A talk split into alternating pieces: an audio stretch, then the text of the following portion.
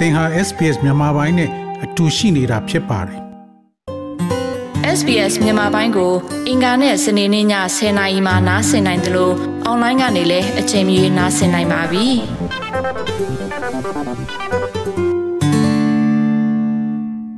လေးရင်လာနေပြီ။ဟုတ်။ဟုတ်ကလေလေလေလေဘယ်လဲ။လေးရင်လာနေတယ်တားလေးမသွားသေးနဲ့။ လက်ရှိဖြစ်ပေါ်နေတဲ့ကရင်ပြည်နယ်ဝလီဒေသကဥက္ကဋ္ဌစကန်တိုက်ပွဲအတွင်းဒေသခံဆစ်ဆောင်ပြည်သူတို့ရဲ့စိုးရင်စကားတမ်းမှာပြီးခဲ့တဲ့လ26ရက်ခရေကစပြီးမြောက်ရီမြို့ဝလီဒေသကဥက္ကဋ္ဌစကန်မှာတိုက်ပွဲဖြစ်နေတာဒီနေ့အပါဝင်ဆိုတပတ်တီတီရှိပါပြီ။ စစ်ကောင်စီရဲ့ဥက္ကဋ္ဌစခန်းကိုကရင်အမျိုးသားကာကွယ်ရေးတပ် KNDO ကရင်မျိုးသားလူမျိုးရေးတပ် KNL နဲ့ကရင်ပြည်နယ်အခြေဆိုင်ပြည်သူ့ကာကွယ်ရေးတပ် PDF အဖွဲ့တွေပူးပေါင်းပြီးစခန်းသိမ်းမှုတိုက်ခတ်ရာကစပြီးတိုက်ပွဲဖြစ်ပွားနေတာဖြစ်ပါတယ်စစ်ကောင်စီကဝက်လီပြူဟာကုန်းဘက်ကိုစစ်အင်အားနဲ့လက်နက်တွေပို့ထားပြီးလက်ရှိအချိန်ထိလက်နက်ကြီးနဲ့ပစ်ခတ်တာတွေတိုက်လေရင်နဲ့ပုံကျဲတိုက်ခတ်တာတွေနဲ့အတူနေမြေရှင်းလင်းတိုက်ပွဲတွေပါဆက်ဖြစ်နေတာပါ မနေ့ကညမှာပဲစစ်ကောင်စီလေတပ်ကတပ်မဟာ6နေမြေတိဘောဘိုးကြီးရွာတွင်ပုံကျဲချမှုကြောင့်အပြစ်မဲ့ပြည်သူတို့အသက်ဆုံးရှုံးခဲ့ရပြီးចောင်းသားចောင်းသူတွေအပါအဝင် ပြည်သူ6ဦးထိခိုက်ဒဏ်ရာရရှိခဲ့ပါတယ်။အခုလိုလေရင်ပုံကျဲမှုတွေနဲ့အတူနှစ်ဖက်ပြင်းထန်တိုက်ပွဲတွေကြောင့်ဒေသခံတွေဟာလုံခြုံလောက်မဲ့နေရာတွေမှာရှောင်တိန်နေကြရပါတယ်။ လက်တလောဖြစ်ပွားနေတဲ့တိုက်ပွဲတွေကြောင့်ဥက္ကဋ္ဌဝလီဝါမီထာစုံစည်းမြိုင်ရွှေအေးမြိုင်စတဲ့ရွာတွေကနေထွက်ပြေးတိမ်းရှောင်နေရလို့တိုးလာတဲ့စစ်ရှောင်ဦးရေဟာ1500ဝန်းကျင်ရှိနေပါပြီ။အဲ့ဒီစစ်ရှောင်ပြည်သူတွေဟာလိကိကောစစ်ရှောင်စခန်းတောင်ရင်းမြစ်နီကစစ်ရှောင်စခန်းတွေနဲ့တစ်ဖက်ချမ်းထိုင်းနိုင်ငံကဖူဖရုမြို့နယ်ရှိစာတင်ကျောင်းတွေမှာခေါ်လုံနေကြရတာပါ။ အဲ့ဒီလိုတိန့်ဆောင်ခေါ်လုံးနေရတဲ့တဲမှာအနောဆန်တယောက်လည်းပါဝင်ပါတယ်အေးအေးစစ်စစ်နဲ့ပဲအမတို့လည်းဟိုဘယ်လိုပြောမလဲဘဝကိုဖြတ်တန်းပြီးတော့သွားချင်တာပေါ့အခုကနေ့ရက်စင်တိုင်းမှာစိုးရိမ်နေရတဲ့အခြေအနေနေ့ရက်စင်တိုင်းမှာအမတို့ဖះနဲ့အမြဲတမ်းမပြတ်တမ်းဟိုဖះအမြဲဆုတောင်းနေရတဲ့ဖះစီကနေအမြဲတမ်းအော်ဟစ်နေရတဲ့အခြေအနေဖြစ်နေတဲ့အခါကျတော့ လူတွေလည်းဘယ်လိုပြောမလဲဟိုစိုးရိမ်မှုတွေဖိအားတွေဝင်တော့ဝင်ပိုးတွေအဲ့လိုမျိုးစိတ်ဖိစီးမှုတွေခံစားရတာပေါ့ကွယ်ကိုတယောက်တည်းတော့မဟုတ်ပါဘူးအားလုံးအတွက်ပါပဲအမတို့လည်းဝိုင်းပြီးတော့ဒီစိတ်ရှောင်မှာဝိုင်းပြီးတော့ကူညီပေးနေတဲ့အခါကျတော့လေဘယ်လိုပြောမလဲနည်းနည်းကိုလည်းအားအင်တော့မွေးရတာပေါ့ကိုကမှအရှိကနေဥဆောင်ဦးရဝိုင်းပြီးတော့လှုပ်ပေးနေတဲ့လူတွေကဟိုစိတ်သက်ကြနေတယ်ဆိုလို့ရှိရင်ကျန်တဲ့လူတွေပါအကုန်လုံးလဲပြူသွားမယ်လေအဲကြောင့်မို့အမတို့လည်းတောက်ခံထားပါတယ် အနောဆန်တို့ဒေသအပါဝင်ကရင်မျိုးသားစီယုံ KNU ဒေသအတွင်းတိုက်ပွဲတွေကြောင့်တထုံတောင်ငူညောင်လေးပင်ဘိတ်တဝဲဖက်ပွန်ဒူပလာယာနဲ့ဖက်အန်စတဲ့ဒေသတွေမှာစစ်ဘေးရှောင်တသိန်း၄000ကျော်ရှိနေပါတယ်။ ပြီးခဲ့တဲ့ရက်တစ်ပတ်အတွင်းမှာပဲစစ်ကောင်စီတပ်တွေကကရင်ပြည်နယ်တထုံဘက်ကိုပါစစ်အင်အားအလုံးရင်းနဲ့ဝင်ရောက်လာပြီးကြေးရွာတွေကိုမိရှို့တာရွာသားတွေကိုတပ်ဖြတ်တာတွေပြုလုပ်ခဲ့တဲ့အတွက်တောင်းနဲ့ချီတဲ့ဒေသခံတွေဟာဘေးလွတ်ရာထွက်ပြေးတိမ်းရှောင်နေကြရတာပါ။ ပြီးခဲ့တဲ့လ20ရက်နောက်ပိုင်းမှာတော့အာနာသိန်းစစ်ကောင်စီတပ်တွေဟာတထုံထုံးပူလီကြေးရွာကနေစပြီးတရားဝင်တရားထက်ဝင်ရောက်စီးနေတာနဲ့အတူလက်နက်ကြီးပစ်ခတ်တာတွေကြောင့်ရွာ20ခန့်ကဒေသခံတွေဟာစစ်ပေးရှောင်နေကြရပါတယ်။လက်ရှိတထုံခရိုင်ထဲမှာတော့စစ်ရှောင်ဦးရေတထောင်ဝန်းကျင်ရှိနေတယ်လို့ကုညီပေးနေသူတွေစီကသိရပါတယ်။ ဒီလိုစစ်ဘေးရှောင်တွေတိုးလာနေတာကြောင့်ပြည်သူ့ကာကွယ်ရေးတပ်ဖွဲ့ဝင်တွေကပါကုညီဆောက်ရှောက်တာတွေလှုပ်ဆောင်နေရတယ်လို့တထုံပြည်သူ့ကာကွယ်ရေးတပ်ဖွဲ့ကတာဝန်ခံတို့ကပြောပါတယ်။လက်ကြီးမထီသုံးမထီအောင်ကြည့်ကြတာလို့ရီတော့လည်းဖြစ်ကြအဲ့လိုလိုအခက်အခဲတွေကတော့အများကြီးပေါ့ဒီစိတ်ကြောအောင်ဆိုတော့တော်လို့တော့မနိုင်ဘူးဟိုဘယ်နေရာလုံခြုံမလဲဘယ်နေရာလုံခြုံမလဲဆိုကြည်ကြည်နေမှတချို့ဆိုလည်းဟုတ်အဝေးလိုရောက်ကုန်တာပေါ့ဒီလိုမျိုးဒီတကယ်ဖားတကွယ်နဲ့အဲ့လိုလိုတကွယ်တကြားစီဖြစ်ကုန်တဲ့နေတာတွေအများကြီးရှိတယ် ကျနော်တို့ သထုံ ပကဖ ပေါ့နော် သထုံပြည်သူ့ကာကွယ်ရေးတပ်ဖွဲ့ကပဲ အဓိက ဦးဆောင်ပြီးတော့ သူတို့ လွတ်မြောက်နယ်မြေတွေ နောက်စစ်ဘေးရှောင်တွေ စားသောက်ဖို့အတွက်ကိုကျနော်တို့ အဓိက စီစဉ်ပေးတယ်ပေါ့။သူတို့မှာကထုံးကလေးရွာဆို ရွာက အိမ်က မီးလောင်ကုန်ပြီ ဖြစ်တဲ့အတွက် ကျနော်တို့ကာလမှာ သူတို့ စားဖို့ သောက်ဖို့ ကျနော်တို့ဆက်ပြီးတော့စီစဉ်ထားပေးရမယ့် သဘော ဖြစ်လာတာပေါ့ အခြေအနေက လက်ရှိမှာတော့နိုင်ငံအနှံ့တိုက်ပွဲတွေခက်ဆိတ်ဆိတ်ဖြစ်နေပြီးစစ်တပ်ကအင်အားသုံးဖိတိုက်တဲ့စကိုင်းတိုင်းနဲ့ကရားပြည်နယ်မှာတော့စစ်ပေးရှောင်အရေးအတွက်အများဆုံးဖြစ်နေပါတယ်လက်နက်ကင်ခုခံတွန်းလှန်နေတဲ့ဒေသခံ PDF တွေကိုလိုက်လံတိုက်ခိုက်တဲ့အခါမှာလဲစစ်ကောင်စီတပ်ဖွဲ့ဝင်တွေဟာအရက်သားတွေကိုပါမချမ်းလက်နက်ကြီးတွေနဲ့ပစ်ခတ်တာဘုံကျဲတိုက်ခိုက်တာတွေကိုပြုလုပ်နေတာပါ စစ်ပွဲရဲ့အနိဋ္ဌာယုံမြင်ကွင်းနေနဲ့နောက်ဆက်တွဲဆိုကြတွေကြောင့်စစ်ဆောင်ကြရတဲ့နေမှာတက်ကြီးရွယ်ဦးနဲ့ကလေးငယ်အများစုပါပါဝင်နေပါတယ်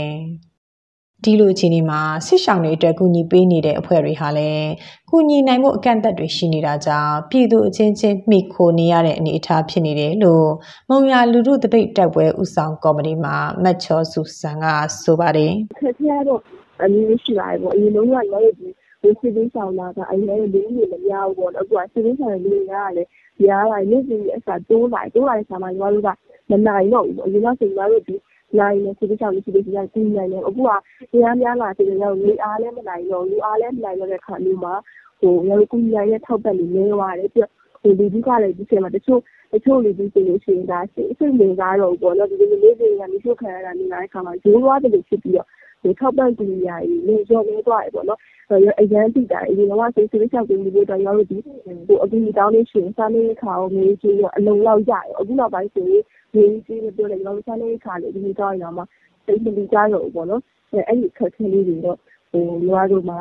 ဟိုရှိတယ် နောက်တစ်ခါကျဒီမိုးရင်းကာလဖြစ်တဲ့ဒီလိုတို့ထောက်ပတ်ပြီးတဲ့ဒီမှာလည်းသွားရင်းလာပြီးပစ္စည်းတွေရေးဆောင်ပြီးပေါ့နော်ဟိုဒီဘိုင်းတွေမှာလည်းအခက်အခဲဖြစ်တယ်လို့စစ်ကောင်စီကလည်းစစ်ကြောင်းကလည်းဟိုသူတို့ကရေးကြရေးဆိုထိုးနေတဲ့တက်ကလည်းဆွဲထားတဲ့ပြည်သာဒီကလည်းဟိုမိုးလေးဖြစ်တဲ့အခါမှာညီမတို့တွေကဒီစစ်ဆောင်နေရတဲ့ဒေတာတွေကိုအရောက်သွားနိုင်မှုတော်တော်ကြီးခဲရင်းပြီးတော့ပေါ့နော်ဟိုအခုထောက်ပံ့ပေးနိုင်နေတယ်ပေါ့ဟိုမလီရန်နဲ့နှောက်ရည်ကြက်ကြအောင်ဒီခက်ခဲလေးလေးတွေဆွေးနွေးရပါတယ် နှစ်ဖက်တိုက်ပွဲတွေကြောင့်နေမကဘဲနေအိမ်တွေကိုစစ်တပ်ရဲ့မိရှုခံလိုက်ရတဲ့ဒေသခံတွေဟာစစ်ရဲ့အကျိုးသက်ရောက်မှုတံကိုခံနေကြရပါတယ်။နေရက်ပြန်နိုင်မှုတော့မဖြစ်နိုင်သေးတာမို့ပြန်လည်ထူထောင်ရေးလုပ်ငန်းတွေဟာလည်းဝေးကွာလို့နေပါတယ်။ဒါအပြင်နေ့စဉ်တိုးလာနေတဲ့စစ်ဘေးရှောင်တွေအတွက်လက်ရှိမှာနေရထိုင်ခင်းပြဿနာနဲ့စေဝါရရှိမှုအခက်အခဲတွေလည်းရှိနေပါတယ်။ ကျန်းမာရေးဆောင်ရှားမှုလိုအပ်ချက်တွေကြောင့်စစ်ဘေးရှောင်နေရင်အသက်ဆုံးရှုံးတာတွေအထိရှိခဲ့တယ်လို့စစ်ရှောင်အရေးကူညီပေးနေသူတွေကဆိုပါတယ်။ဒီလိုအခက်အခဲတွေတွေပြည်တွင်းကအဖွဲ့အစည်းတွေအပြင်နိုင်ငံတကာကပါအကူအညီဖြည့်ရှင်းနိုင်ဖို့စ조사နေကြပါတယ်။ ကုလသမဂ္ဂလူသားချင်းစာနာမှုဆိုင်ရာညှိနှိုင်းဆောင်ရွက်ရေးအဖွဲ့ UN OCHA ကတော့လူသားချင်းစာနာထောက်ထားရေးအကူအညီတွေမြန်မာနိုင်ငံဆိုင်ရာအကူအညီပေးရေးရန်ပုံငွေတွေကနေအမေရိကန်ဒေါ်လာ12.2တန်သုံးစွဲမယ်လို့သတင်းထုတ်ပြန်ထားပါတယ်။ ဒီလိုကုလအပါအဝင်နိုင်ငံတကာအဖွဲ့အစည်းတွေကကူညီပေးမဲ့အစီအစဉ်တွေဟာတကယ်အခက်အခဲရှိတဲ့ဒေသခံတွေစီရောက်ရှိဖို့ဆိုရင်မြေပြင်ကဒေသခံအဖွဲ့အစည်းတွေနဲ့ချိတ်ဆက်ဖို့လိုတယ်လို့ပြောလာသူကစကိုင်းတိုင်းအတွင်းကစီဗီရှောင်းဒေသခံတူပါအဓိကကျွန်တော်တောင်းဆိုချင်တာဘောလို့ဟာပေါ့အဖွဲ့အစည်းတွေနဲ့ချိတ်ဆက်ပြီးမှလိုမျိုးပေါ့လူတန်းပေးစေချင်တာပေါ့အဲ့ဖက်တွေကျွန်တော်တို့ကျမ်းမြို့ရွာဖက်တို့မိုးတို့ရွာဖက် အားတို့စစ်တယ်ရွာထဲလော်တို့လေအဲ့လိုမျိုးတွေကိုချစ်စစ်ပြီးမှအခုလိုမျိုးအဖွဲ့အစည်းနေတွေနဲ့အဲ IUG အစိုးရနေနေရောအဲ့လိုမျိုးပေါ့လူတန်းပြင်တော့ဘူပြီးမှကောင်းတာပေါ့ဒီတက်ကတိကစီဝါတနာတော့တော်လေးစိုးရရဒါဒီဖြစ်မှာစီုံစေကန်းလို့လည်းမရှိဘူးဆိုတော့လေအဲကျွန်တော်ဘက်ကစီုံစေကန်းရှိတဲ့ဒါတွေကလည်းပါပြရွာပြစောတိရွာတွေကအတော့ကူတာကိုလည်းစင်ပြီးကန်ကောမျိုးကိုကြံလိုက်ပါအခန်းစီများတယ်ကြတော့တန်ကူကျွန်တော်တို့နှမ်းခါဆိုရင်တော့မယောက်ျားလေးတွေ အဲ့လိုမျိုးထိတ်ကမြို့ပေါ်သွားရင်တော်လေးဆန်းခိုင်းတာတို့ပါလို့တနိုင်ငံလုံးအတိုင်းတာရာလူဦးရေတသန်းကျော်ဟာရွှေ့ပြောင်းနေထိုင်နေရပြီးအဲ့ဒီထဲမှာစစ်တပ်အာဏာသိမ်းပြီးနောက်ပြိပခနဲ့လုံခြုံရေးချင်းကြောင့်အိုးအိမ်စွန့်ခွာထွက်ပြေးရသူ9,600နီးပါးပါဝင်တယ်လို့ UN OCHA ကအခုရက်ပိုင်းမှာပဲထုတ်ပြန်ထားပါတယ်။ တကဘာလုံးကနေရက်စွန့်ခွာထွက်ပြေးနေရသူအရေအတွက်ဟာပြီးခဲ့တဲ့မေလအထိစီရင်ရာတန်တရာအထိအမြင့်ဆုံးရောက်ခဲ့တယ်လို့လည်းကုလသမဂ္ဂဒုက္ခသည်အေဂျင်စီ UNHCR ကသိရပါတယ်။အဲ့ဒီထဲမှာမြန်မာနိုင်ငံဟာပြိပခတွေကြောင့်နေရက်စွန့်ခွာတဲ့အများဆုံးနိုင်ငံတွေထဲမှာပါဝင်ပါတယ်။ လက်ရှိအချိန်မှာတော့ NUG အစိုးရကစစ်ဘေးဒုက္ခတဲ့သုံးပုံနှစ်ပုံကိုသာလုံလုံလောက်လောက်ကူညီမှုပေးနိုင်ခဲ့ပြီးငွေကြေးအဖြစ်2.8ဘီလီယံသုံးစွဲခဲ့ပြီးဖြစ်တယ်လို့ဆိုပါတယ်စစ်ဘေးရှောင်တန်းကိုအများဆုံးခံနေရတဲ့ကရင်နီချင်းကရင်စကိုင်းနဲ့မကွေးကို62ရာခိုင်နှုန်းဖြစ်တဲ့1.6ဘီလီယံပတ်ပိုးကူညီခဲ့တယ်လို့သိရပါတယ်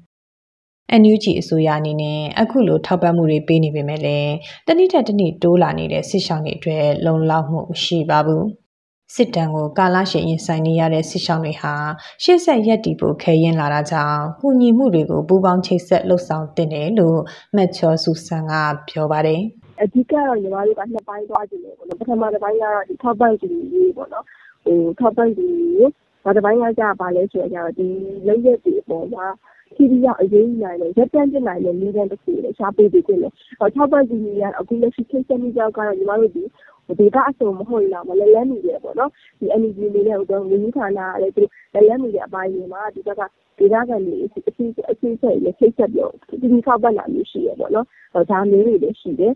အခုလောလောဆယ်မှာဒီဒါဒီစိတ်ချထောက်ပံ့ပြီးလောက်ဆောင်ပေးနေတော့ဆက်လက်ပြီးတော့လည်းလောက်ဆောင်ပေးပြီးနေတယ်မြန်မာနိုင်ငံဟာပြည်တွင်းစစ်တမ်းကိုရင်ဆိုင်နေရတာနှစ်90ကျော်တိုင်ခဲ့ပါပြီ။တိုင်းရင်းသားဒေသကပြည်သူတွေဟာလည်းစစ်ရှောင်ဘဝနဲ့နေရမပြန်နိုင်ခဲ့တာအာဏာမသိမ်းခင်ကတည်းကတင်ဆယ်စုနှစ်ကျော်ရှိခဲ့ပါပြီ။ အရင်ကအေးအေးချမ်းချမ်းနေခဲ့ရတဲ့ပြည်သူတွေပါစစ်ဘေးရှောင်လာရတဲ့အခြေအနေမှာတော့နိုင်ငံတော်ဝန်စစ်ရှောင်ပြည်သူအရေးအတွက်ဟာနေ့စဉ်မြင့်တက်လာနေပါတယ်။အခုလိုနေရမှာမနေနိုင်တော့ပဲစစ်ဘေးရှောင်ဘဝတွေကိုကာလရှည်ရင်ဆိုင်နေကြရပါမယ်ဒေသခံပြည်သူတွေကတော့စစ်အာဏာရှင်ကိုခုခံတော်လှန်ရင်အခက်အခဲတွေကိုတောင်းခံနေကြဆဲပါဒီသတင်းဆောင်မကိုတန်လွင်ခက်ကပေးပို့ထားတာဖြစ်ပါတယ် SBS မြန်မာပိုင်းကိုနားဆင်ရတာနှစ်သက်ပါတလား Facebook မှာဆွေးနွေးမှုတွေကိုဆက်ကြရအောင်ပါ SBS မြန်မာပိုင်း Facebook ကို like လုပ်ပြီးတော့သင်ချင်တဲ့ချက်ကိုမျှဝေနိုင်ပါတယ် SBS Bemis ကို Facebook မှာ share ကြည့်နိုင်ပါတယ်ရှင်။